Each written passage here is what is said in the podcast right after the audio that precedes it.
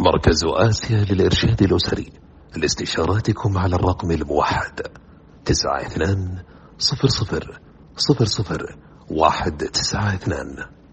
بسم الله الرحمن الرحيم والصلاة والسلام على أشرف الأنبياء والمرسلين آه، نبينا محمد وعلى آله وصحبه أجمعين. آه، شكرا للزملاء في مؤسسة آسيا الوقفية على الفعاليات الرائعة اللي تصب في بناء الأسرة والمجتمع وتربية وتعزيز القيم لدى الأبناء.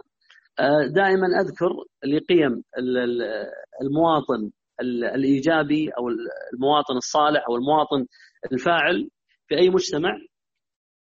هناك ثلاثة قيم. القيمة الأولى هي قيمة الإيجابية. ولو أخذنا من الإيجابية العديد من القيم الفرعية التفاؤل حسن الظن بالله حسن الظن بالناس. لأن الله لم يطلعنا على ما في قلوب الناس. فأعتقد أنه آه، من المهم أن نربي أبنائنا على الإيجابية في طريقة تفكيرهم والتفاؤل في مستقبلهم ويحسنون الظن بالله بأن لا يريد فينا إلا خير.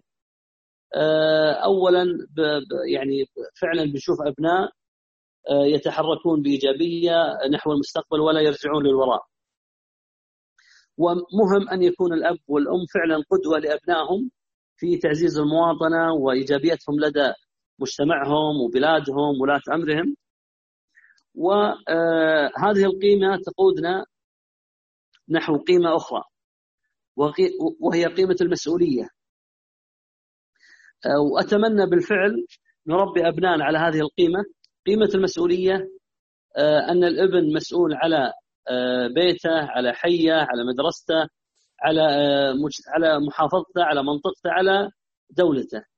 فجميعنا مسؤولين. ما ما نرمي المسؤولية على الآخرين. هذا شغل مثلا الحكومة هذا شغل الجمعيات هذا شغل الشركات. لا كلنا مسؤولين. كل شخص وكل فرد في هذا الوطن هو مسؤول عن هذا الوطن. وكل إنسان حسب محيطه في البيت في المدرسة في المجتمع اللي يحيط فيه حسب كل حسب قدرته.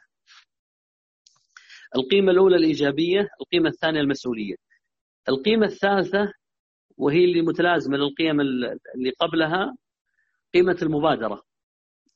إيجابية ومسؤولية من غير مبادرة وفقط حديث. ولا فيه أي آه، تحرك للأمام. يعني فقط بيكون جانب نظري أو جانب تنظير. فلما يكون كل فرد من أبنائنا ومن بناتنا ومن آبائنا ومن أمهاتنا عنده قيمة الإيجابية وعنده قيمة المسؤولية وعنده قيمة المبادرة بالفعل نشاهد مبادرات في المجتمع سواء كانت تطوعية أو حتى تجارية أو حتى خدمية.